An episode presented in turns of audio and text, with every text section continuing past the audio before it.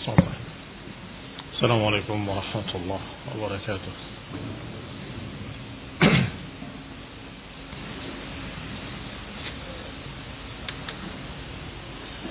إن الحمد لله نحمده ونستعينه ونستغفره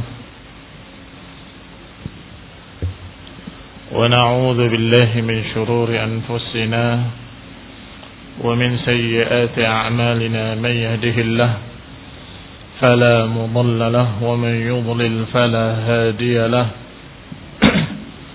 وأشهد أن لا إله إلا الله وحده لا شريك له وأشهد أن محمدا عبده ورسوله صلى الله عليه وعلى آله وأصحابه والتابعين وتابع التابعين ومن تبعهم بإحسان إلى يوم الدين.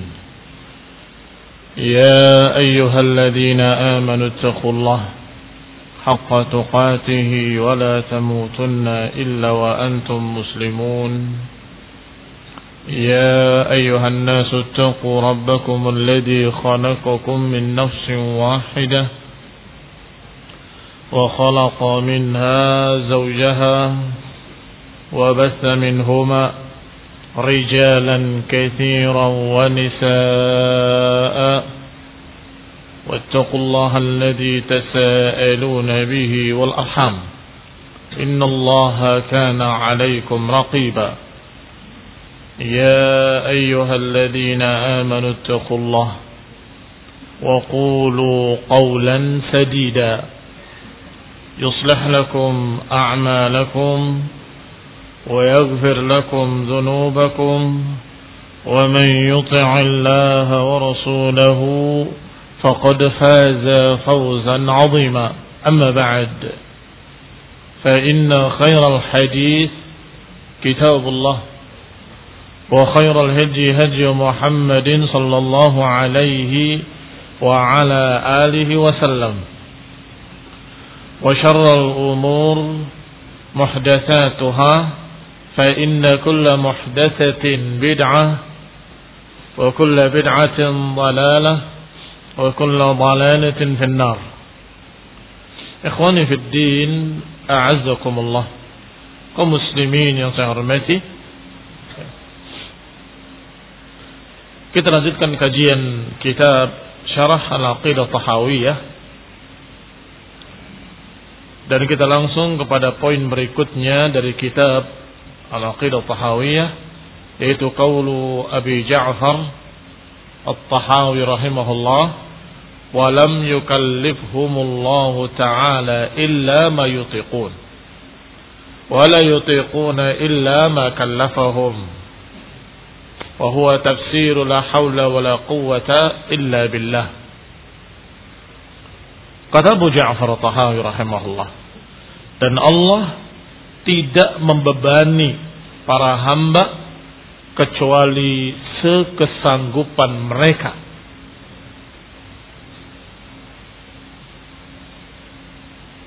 dan mereka tidak sanggup kecuali apa yang Allah bebankan pada mereka. Ucapan Abu Ja'far rahimahullah dan sebagaimana dalam mukaddimah pembahasan kitab ini kita mengingatkan kepada hadirin bahwa beberapa ucapan-ucapan Abu Ja'far Tahawi ada kritikan dari para ulama. Tetapi tidak mengeluarkan beliau dari keadaan beliau sebagai ahlu sunnah. Bahkan yang diambil ilmunya, dibaca kitabnya. Karena apa yang termuat dalam kitabnya, ilmu yang disampaikannya sangat banyak. Dan sangat tinggi, tidak didapat dari kitab-kitab lain. Berkata Syekh bin Baz rahimahullah sebagaimana dinukil dalam footnote-nya oleh Syekh Yasin hafizahullah. Bahwa Syekh bin Baz mengomentari kalimat kedua dari ucapan Abu Ja'far. Qala hadza ghairu sahih. Itu tidak benar. Saya ulangi kata-kata Abu Ja'far. Allah tidak membebani kecuali sekesanggupannya. Yang kedua, dan mereka tidak sanggup kecuali yang Allah bebani. Yang pertama benar. Kalau yang pertama terdukung dengan ayat-ayat yang sangat jelas. Seperti dalam surat Al-Baqarah ayat 286. La yukallifullahu nafsan illa wus'aha. Allah tidak membebani para hamba kecuali sekesanggupannya. Al-Baqarah 286. Demikian pula dalam surat Al-An'am ayat 152. Allah berfirman, La nukallifu nafsan illa wus'aha. Kami tidak membebani kecuali sekesanggupannya. Artinya perintah-perintah syariat, hukum-hukum agama Islam perintah dan larangan, aturan-aturan ibadah, semuanya adalah perkara yang akan sanggup dikerjakan oleh seorang manusia. Yang berarti kalau ada manusia yang mungkin cacat atau memiliki kelainan, kemudian tidak sanggup, maka dia akan dimaafkan oleh Allah Taala. Mengapa? Karena Allah katakan, la nukallifu nafsan illa usaha. Kami tidak akan membebani kecuali sekesanggupannya. Diperintahkan salat. Manusia yang normal mampu untuk berdiri, ruku, sujud bisa. Kecuali yang cacat, lumpuh, nggak mampu berdiri. Bagaimana? Maka tidak mengapa. Soli jalisan. Salatlah dalam keadaan duduk. Yang tidak bisa duduk, lebih parah lagi. Hanya bisa berbaring. Soli, salatlah dalam keadaan berbaring. Apa yang dia tidak sanggup, ma'fuun anhu akan dimaafkan. Itu makna tidaklah Allah membebani para hamba kecuali sekesanggupannya. Sekarang kalimat yang kedua. Dan mereka nggak akan sanggup kecuali apa yang Allah bebani. Kata Syekh bin Bas, ini nggak benar. Ini nggak benar mereka kadang sanggup yang lebih dari apa yang diperintah. Iya kan? Apa buktinya? Buktinya ada kelompok-kelompok ekstrim yang hulu, yang berlebihan. Disuruh sekian, dia kerjakan lebih. Ada apa enggak ada? Ada. Maka Allah subhanahu wa ta'ala memerintahkan dengan sesuatu yang pas ukurannya, pas tidak lebih, tidak kurang. Tidak memberatkan. Inna hadha din yusrun. Sesungguhnya agama ini mudah. Maka kalimat pertama jelas. Semua para ulama menyatakan dengan kalimat yang sama karena dua ayat tadi. La yukallifullahu nafsan illa wus'aha dan la nukallif nafsan illa wus'aha. Ditambah lagi dengan ayat-ayat yang menyatakan yuridullahu bikumul yusra wa la yuridu bikumul usra. Allah menginginkan kemudahan buat kalian, Allah tidak menginginkan kesusahan. Maka akan diberikan yang mudah. Akan diajarkan yang mudah, akan diperintah dengan perintah-perintah yang mudah. Ini sekedar kita tahu bahwa kalimat kedua tidak tepat. Apa ini maksud oleh Abu Ja'far dengan kalimat ini? Kok bisanya dia mengatakan seperti itu? Yang dimaksud oleh beliau atau yang diinginkan oleh beliau adalah masalah takdir. Tidak mungkin seorang berbuat kecuali apa ditakdirkan oleh Allah. Itu maksudnya. Tetapi kalimatnya tidak tepat. Maka ketika beliau berkata wa tafsir la haula wa la quwwata illa billah maka ini makna kalimat lain. Dan ini adalah tafsir dari kalimat la haula wala quwwata illa billah. Tiada kekuatan dan daya upaya kecuali dengan bantuan Allah. Naam, kalau itu yang dimaksud kita sepakat dan semua para ulama sepakat bahwasanya tidak ada seorang pun yang sanggup beramal, nggak ada seorang pun yang sanggup berbuat, nggak ada seorang pun yang sanggup mengamalkan perintah-perintah dan menjauhi larangan-larangannya kecuali dengan bantuan dan pertolongan Allah, kecuali dengan qada wal qadar dari Allah Subhanahu wa taala. Adapun kalimat la yutiquna illa ma kallafahum manusia nggak akan sanggup kecuali apa yang dibebankan pada mereka. Yang lebih mereka nggak akan sanggup kadang sanggup tapi nggak disuruh. Bukan tidak sanggup mereka sanggup untuk lebih. Kadang-kadang. Sholat maghrib tiga rakaat. Ada yang ngerjakannya tujuh rakaat. Bisa apa nggak bisa? Sanggup. Tapi itu hulu berlebihan. Tidak diperintahkan.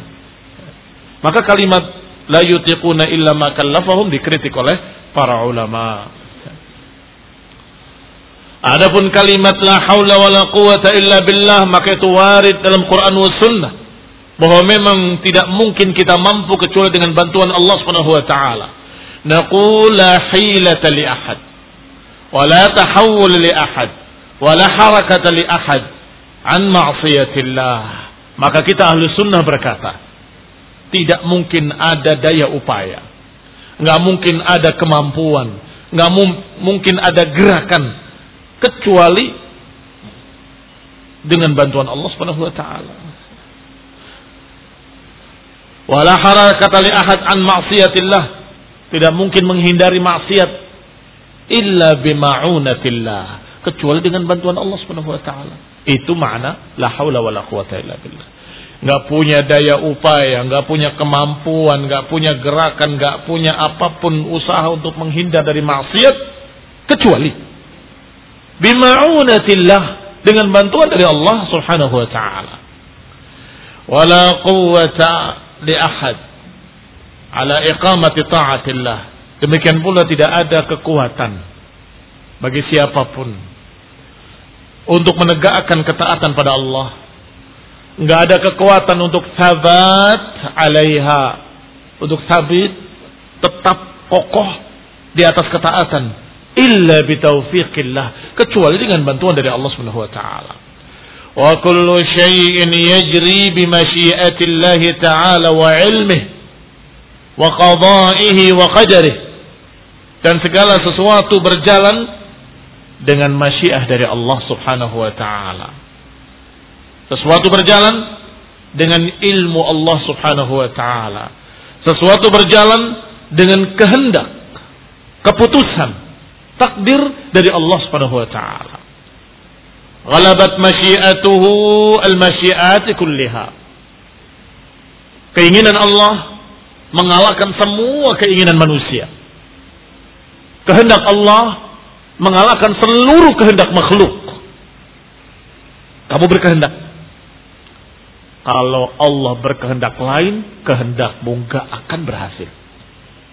Kamu berkehendak temanmu berkehendak, gurumu berkehendak, dan seluruh kaum muslimin berkehendak. Tapi Allah Subhanahu wa taala berkehendak lain. Apakah terjadi? Tidak akan terjadi. Maka ikhwan bin a'azakumullah kata Syekh Abu Ja'far At-Tahawi, "Ghalabat masyiatuhu al-masyiati kulliha." Kehendak Allah mengalahkan seluruh kehendak yang lain. Anta turid wa ana urid wallahu fa'alun lima yurid. Kau punya kehendak, aku punya kehendak, tapi Allah Maha berkehendak.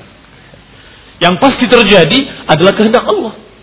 Kehendakmu sudah berupaya, sudah berusaha, sudah mengumpulkan dananya, sudah menyiapkan waktunya, sudah merencanakan matang. Kemudian Allah tidak berkehendak. Pas pasti akan gagal. Pasti, pasti, pasti. Nggak ada keraguan. Pasti akan gagal. Maka ketika kita merencanakan, ketika kita menginginkan sesuatu, di samping persiapan-persiapan jangan lupa meminta kepada Allah Subhanahu wa taala ma'una. Insya Allah. Meminta kepada Allah kehendak yang mudah-mudahan Allah menghendaki. Minta taufik, minta taufik dari Allah Subhanahu wa taala. Apa makna taufik?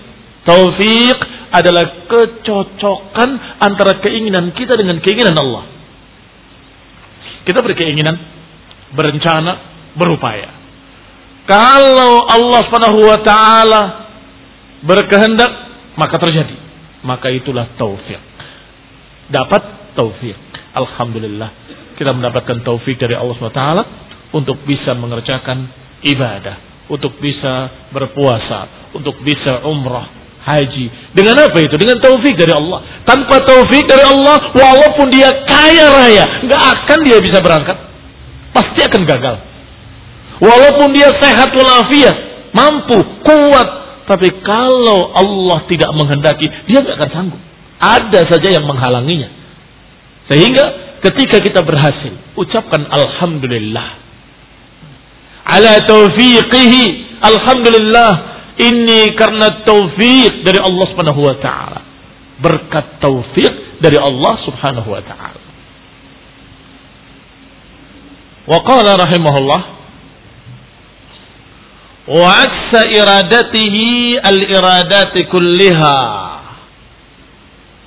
wa akasat iradatuhu wal iradati kulliha akan membalik kehendak Allah pada kehendak yang lain. Artinya kehendak yang lain semuanya akan dirubah oleh kehendak Allah Subhanahu wa taala kalau bertentangan.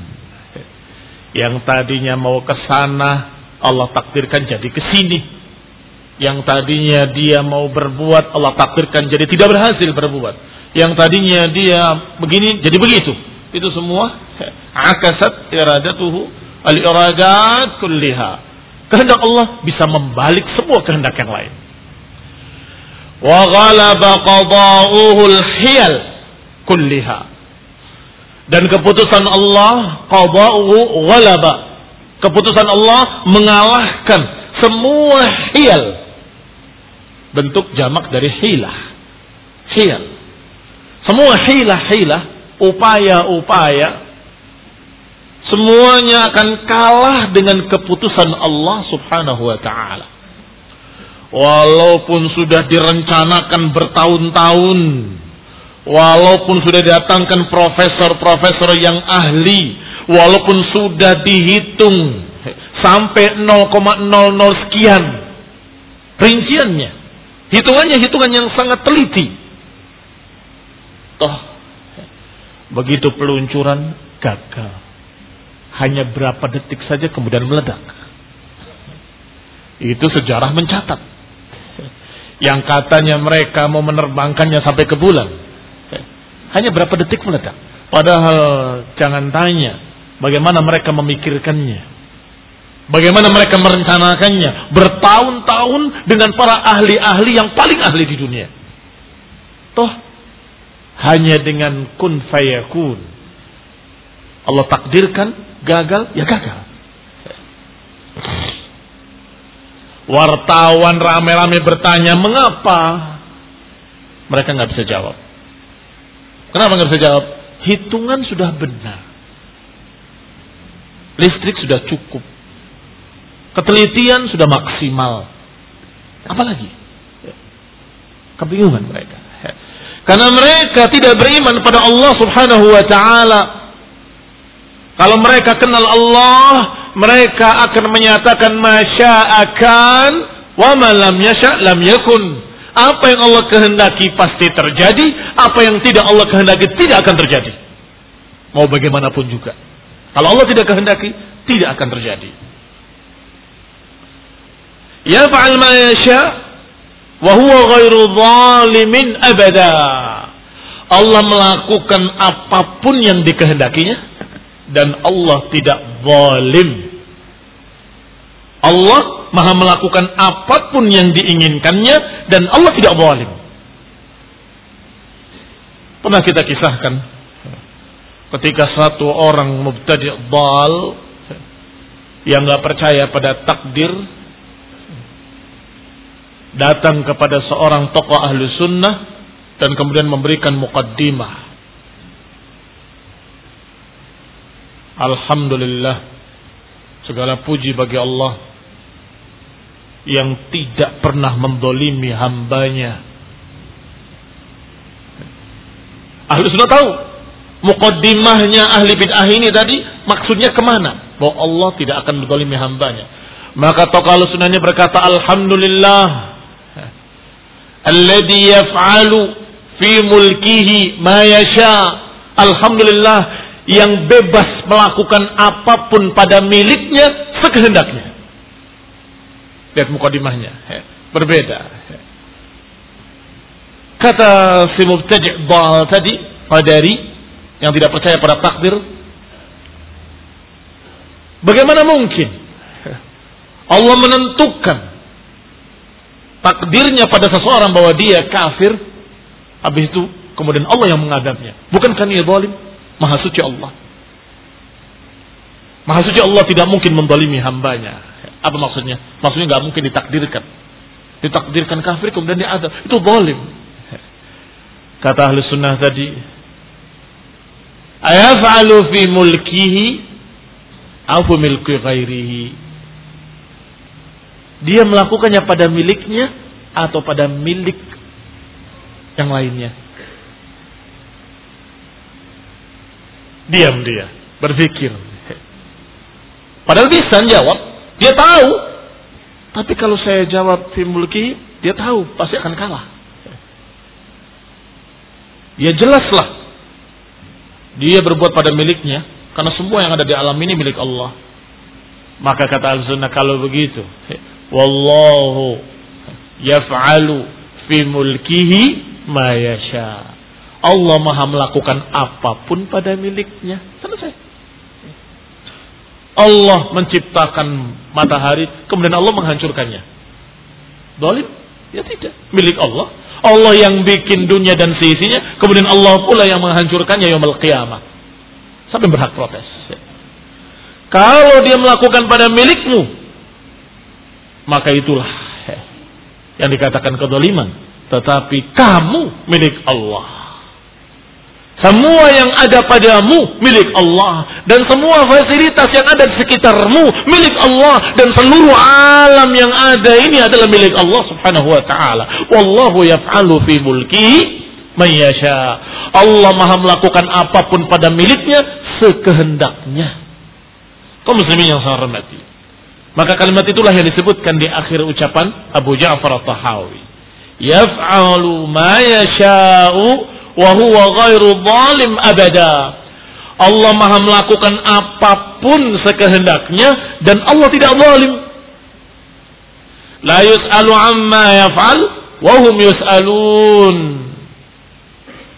Allah tidak ditanya. Kenapa berbuat seperti ini? Kenapa berbuat seperti itu? Tapi mereka nanti yang akan ditanya. Kenapa berbuat seperti ini? Kenapa berbuat seperti itu? Allah tidak ditanya. Karena Allah maha kuasa mutlak. Allah bebas berbuat apa pun. Allah maha berbuat apa yang diinginkannya. Wallahu fa'alun lima yurid. Allah fa'alun lima yurid. Maha melakukan apa pun yang dikehendakinya.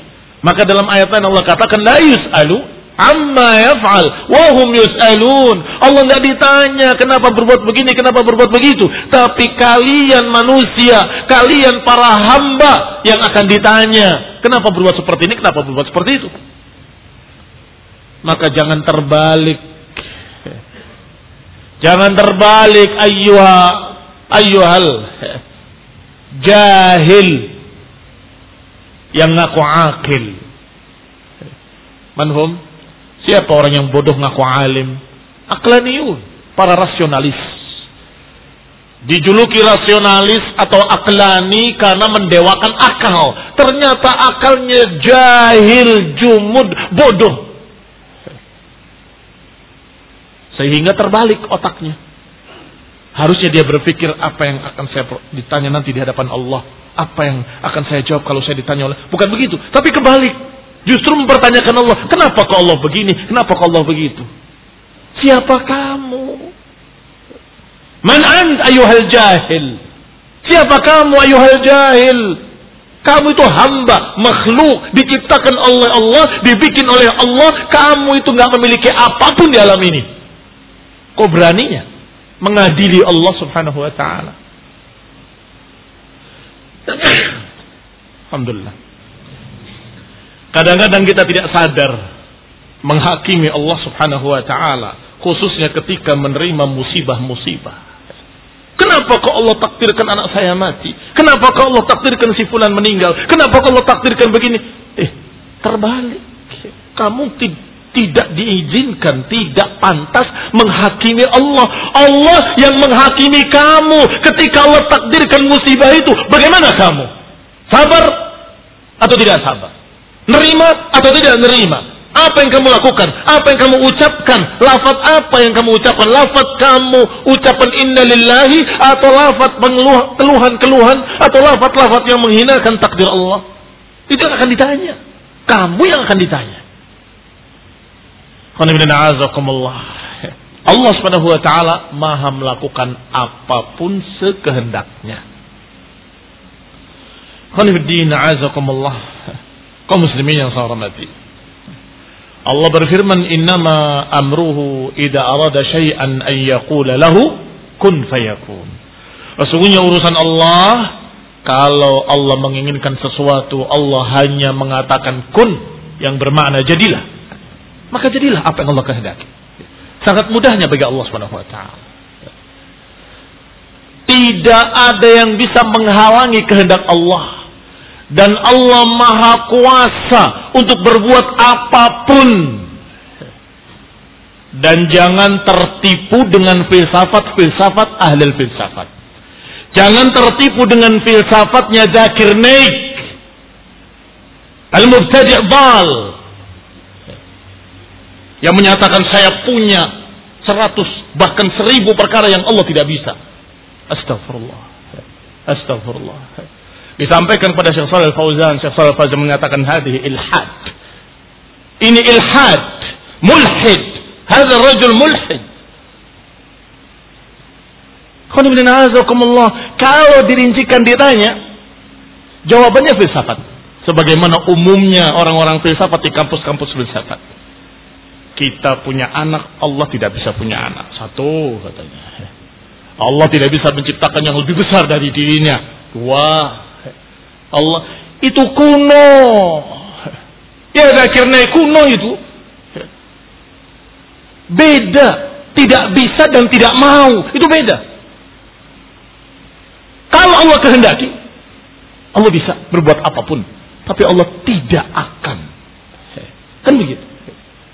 Ini filsafat, ini permainan kata. Permainan kata.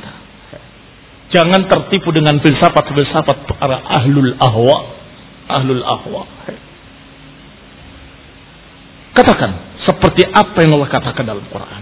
Imani seperti apa yang kita dapat di dalam Quran dan Sunnah tentang Allah. Bahwa Allah ala kulli syai'in qadir. Allah atas segala sesuatu maha bisa. Kadang Allah menghendaki, kadang tidak menghendaki. Kan begitu.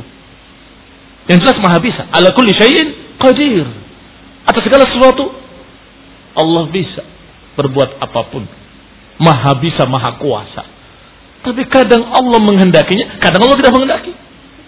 Itu urusan Allah subhanahu wa ta'ala. Dan Allah sudah menyatakan, tidak ada yang lebih besar dari Allah. Dan Allah tidak punya anak tidak beranak dan tidak diperanakkan. Terima. Aminu billah. Berimanlah kepada Allah wa qadarihi wa masyiatihi wa iradatihi. Berimanlah kepada Allah dan kehendaknya dan kekuasaannya dan keinginannya bahwa Allah Subhanahu wa taala fa'alun lima yurid, maha melakukan apa pun yang dikehendaki.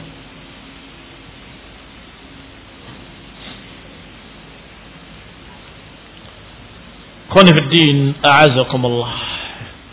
Allah subhanahu wa ta'ala menafikan kedoliman dari dirinya. Bahwa Allah menakdirkan segala sesuatu dan Allah tidak zalim. Allah menciptakan dengan keadilannya. Allah menciptakan dengan hikmahnya. Dan Allah subhanahu wa ta'ala nggak pernah lepas dari sifat adil. Kadang kita tahu, kadang kita nggak tahu rinciannya. Makanya harus ya, memiliki akidah, keyakinan bahwa Allah memiliki sifat adil. Diriwayatkan dari Bani Israel tentang Nabi Musa alaihi salam yang bertanya kepada Jibril, aku ingin mengetahui keadilan hikmah Allah Taala.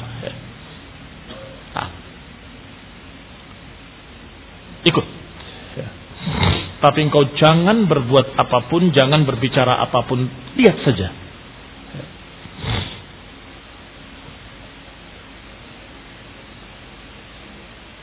Ditempatkan oleh Jibril satu tempat, melihat ke satu sumur.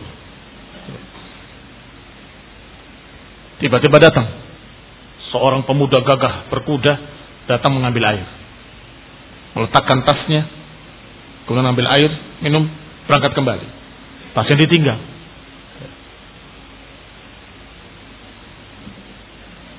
Musa memberitahu, tasnya ketinggalan. Diam, lihat saja. Tiba-tiba datang seorang anak kecil. Nyeret-nyeret tas tadi, mengelilingi sumur. Kemudian dibawa pergi. Mau mencegah, tidak boleh. Diam. Datang orang tua. Tua rentah. Mengambil air. Ternyata anak muda tadi balik. Orang tua tadi ditanya dengan dihunuskan pedang kepadanya. Mana tas saya? Tidak tahu. Dia menjadi tidak tahu. Saya kayak akan tebas. Saya tidak tahu menau tentang tasmu. Maka ditebas leher. Musa terkejut. Merasa gelisah. Ini sepertinya tidak adil. Yang tidak salah di lehernya sampai mati. Diam. Pergi. Kata Musa, ini bagaimana? Ini orang yang tidak salah. Aku ceritakan. Diceritakan sejarahnya. Oleh Jibril. Alaihissalam. Bahwa ternyata anak muda tadi adalah seorang yang mendapatkan harta yang bukan miliknya.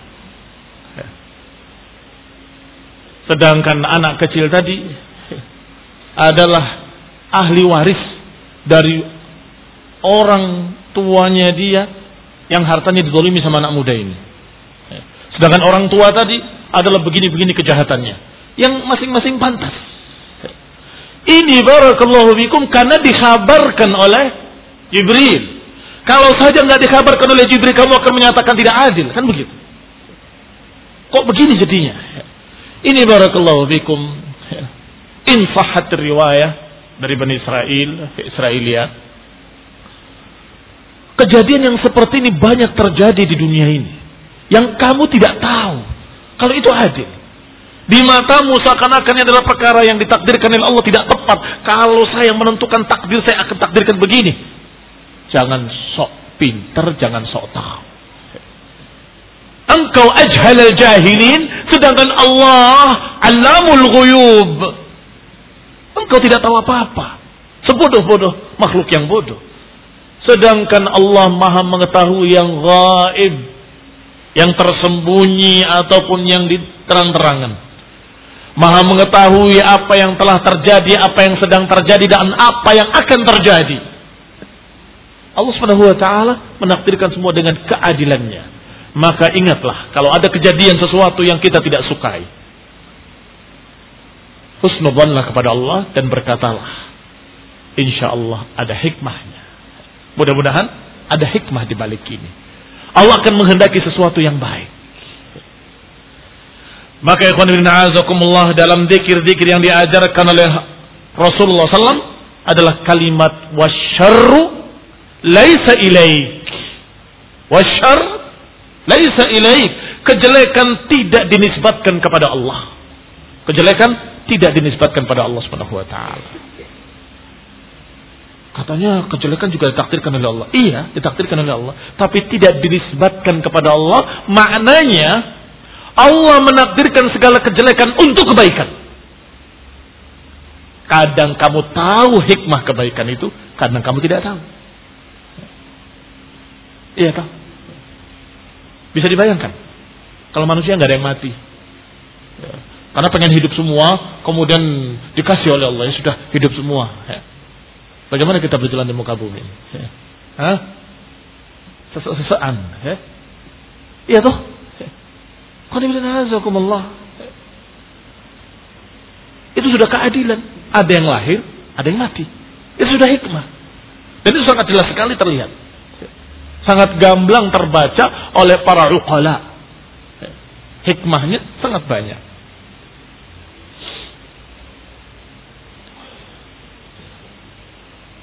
Maka dikatakan oleh Allah Subhanahu wa taala, "Wa ma ana bidhallamin lil 'abid." Dan aku enggak akan mendolimi hamba-hambaku kata Allah. Semuanya dengan keadilan. Demikian pula Allah katakan, "Wa man ya'mal minas salihati wa huwa mu'min, fala yakhafu dhulman wala hadma." Siapa yang beramal dengan amalan yang saleh dalam keadaan dia mukmin, jangan khawatir didolimi. Jangan khawatir dicurangi. Allah nggak akan mendolimi hamba-hambanya. Wa ma yubaddalul qawlu ladayya wa ma ana bidhallamin lil abid. Tidak akan dirubah ucapan. Ucapan keputusan Allah gak akan berubah dan aku tidak akan mendolimi hamba-hambaku. Ayat lain Allah berfirman, "Wa ma zalamnahum walakin kanu anfusahum yadlimun atau kanu humudz zalimin." Ada dua macam ayat. Wa ma zalamnahum, kami enggak mendolimi mereka. Walakin kanu humul zalimun. Tetapi mereka lah yang mendolimi mereka sendiri. Atau mendolimi diri-diri mereka sendiri. Ada orang bermain api kemudian terbakar. Apakah Allah yang mendolimi dia? Atau dia mendolimi dirinya sendiri? Dia mendolimi dirinya sendiri. Berbuat kejelekan mendapat kejelekan. Siapa yang menabur angin akan menuai badai. Siapa yang berbuat kejelekan akan menimpa atau akan mendapatkan kejelekan. Apakah Allah yang melimi mereka? Tidak. Apakah itu takdir Allah? Semuanya takdir Allah Subhanahu wa taala dan Allah tidak zalim. Allah menakdirkan dengan keadilan. Maka jangan salahkan siapa-siapa. Lumu anfusakum. Salahkan diri kalian sendiri. ووجدوا ما عملوا حاضرا ولا يظلم ربك أحدا kata Allah dan mereka dapati apa yang mereka perbuat ada di hadapannya yaumul qiyamah. Ini catatanmu ini kejelekanmu ini dosamu. Wajadu ma'amilu hadiran. Apa yang mereka amalkan hadir di hadapan mereka yaumul qiyamah pada hari perhitungan. Wala yadlimu rabbuka ahada. Allah enggak akan mendolimi seorang pun atau ayat lain dalam surat Ghafir ayat 17 al yawma tujza kullana kullu nafsin bima kasabat la zulma al yawm innallaha sari'ul hisab. Hari ini tujza. Hari ini akan dibalas. Kullu nafsin bima kasabat. Setiap jiwa akan dibalas dengan apa yang dia perbuat. La dzulmal yaum, enggak ada kedoliman hari ini. Innallaha sari'ul hisab. Sesungguhnya Allah Maha cepat perhitungannya.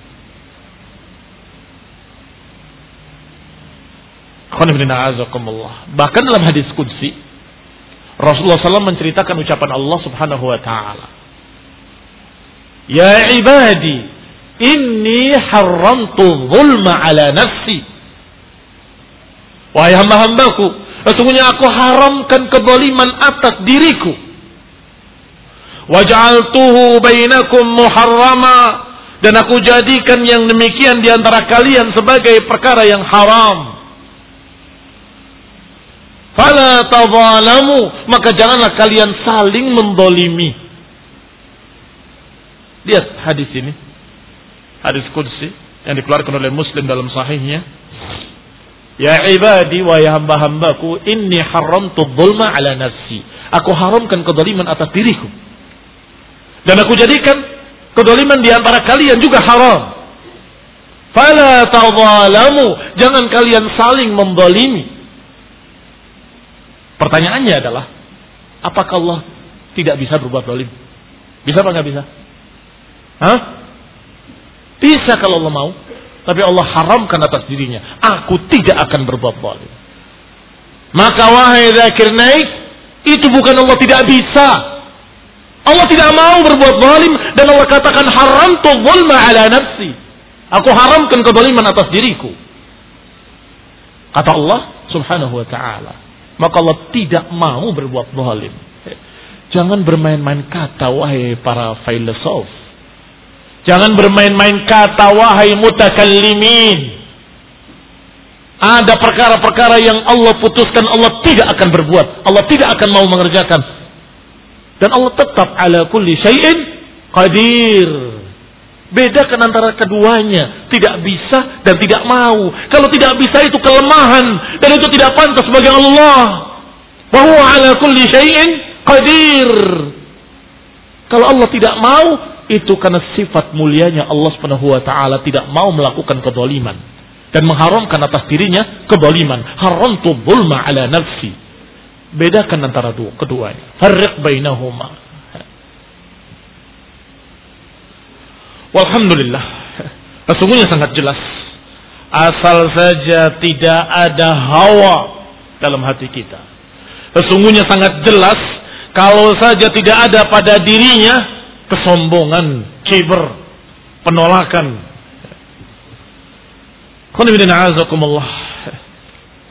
Mudah-mudahan kita akan lanjutkan pada pertemuan berikutnya billahi taala.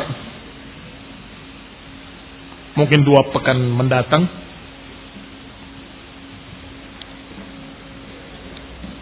Tentang masalah apakah doanya orang yang hidup sampai kepada orang yang telah wafat? Apakah amalan orang yang hidup bisa dikirimkan kepada orang yang sudah wafat?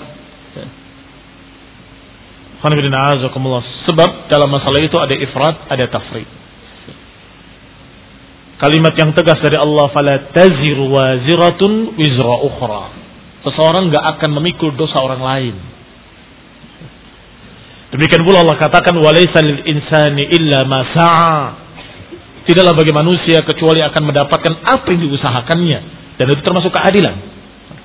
Tetapi bagaimana dengan hadis-hadis yang Rasulullah SAW mengizinkan seseorang untuk menghajikan orang tuanya atau bersedekah atas nama orang tuanya yang telah wafat. Ini adalah materi pembahasan kita pada pertemuan berikutnya باذنillah taala. Subhanakallahumma wa bihamdik أشهد أن لا إله إلا أنت أستغفرك وأتوب إليك والسلام عليكم ورحمة الله وبركاته.